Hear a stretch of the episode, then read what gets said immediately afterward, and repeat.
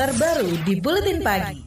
Demi Allah, saya bersumpah akan memenuhi kewajiban Presiden Republik Indonesia dengan sebaik-baiknya dan seadil-adilnya, memegang teguh Undang-Undang Dasar dan menjalankan segala undang-undang dan peraturannya dengan seluruh-seluruhnya, serta berbakti kepada nusa dan bangsa.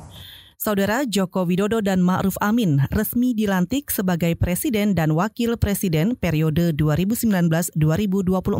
Pelantikan Jokowi Ma'ruf digelar MPR dalam sidang paripurna MPR di Gedung Nusantara di Kompleks Parlemen Senayan, Jakarta kemarin. Jokowi membuka pidato perdananya dengan menyampaikan cita-cita Indonesia ketika berusia satu abad pada 2045.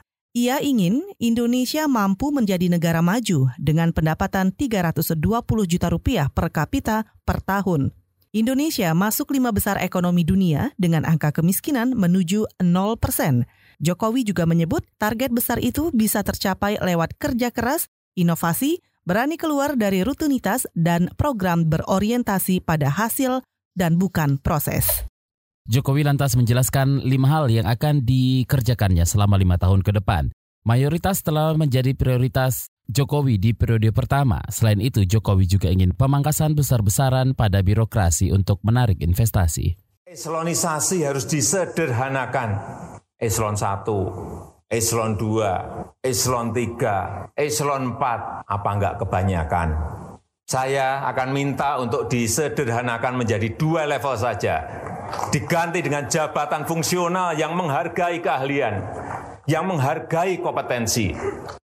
Presiden Jokowi menegaskan bakal mencopot menteri atau pejabat yang tidak serius bekerja. Agenda penyederhanaan aturan juga tetap menjadi fokus Jokowi periode kedua. Pengamat hukum dari Universitas Trisakti, Abdul Fikar Hajar, mengkritik pidato Perdana Jokowi yang mengawali periode kedua pemerintahannya. Penyebabnya, Jokowi tidak menyebut sedikit pun persoalan hukum dan korupsi dan terlalu fokus pada ekonomi.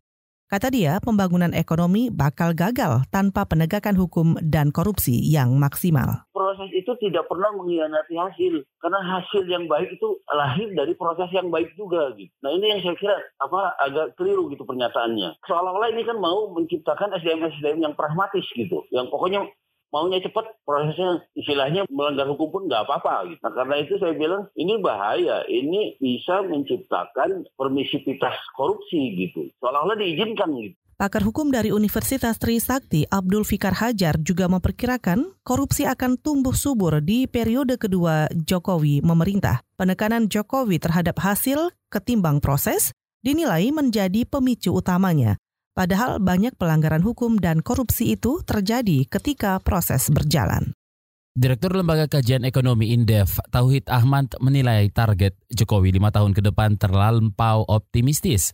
Pasalnya target itu dipasang di tengah perlambatan ekonomi global. GDP kita itu kan target keluar dari middle income trap itu kan sekitar 12 ribu eh, US per GDP.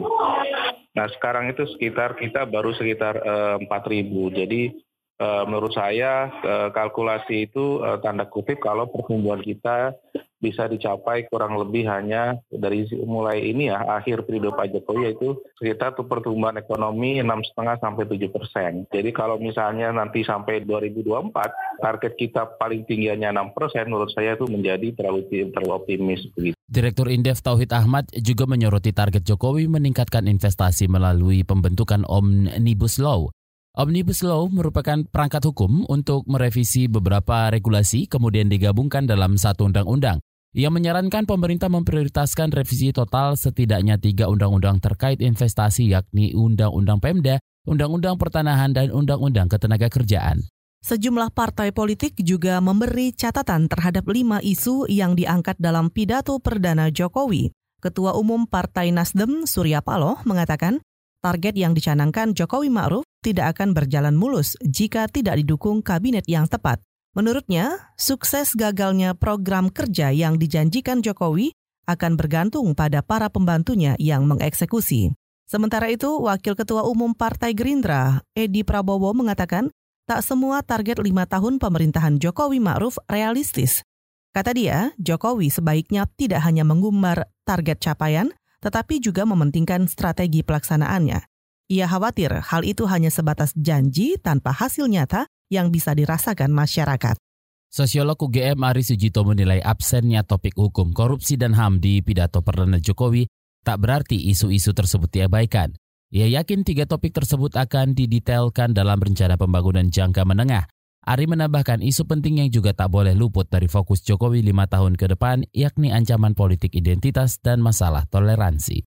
Ya menurut saya kan itu hanya lima dari sekian banyak agenda yang memang nanti akan dituangkan apakah kalau dulu nawacita nah, ke depan itu RPJMN-nya kan masing-masing pasti ada itu di level bahwa tadi itu tidak ada highlight itu bukan berarti tidak menjadi concern.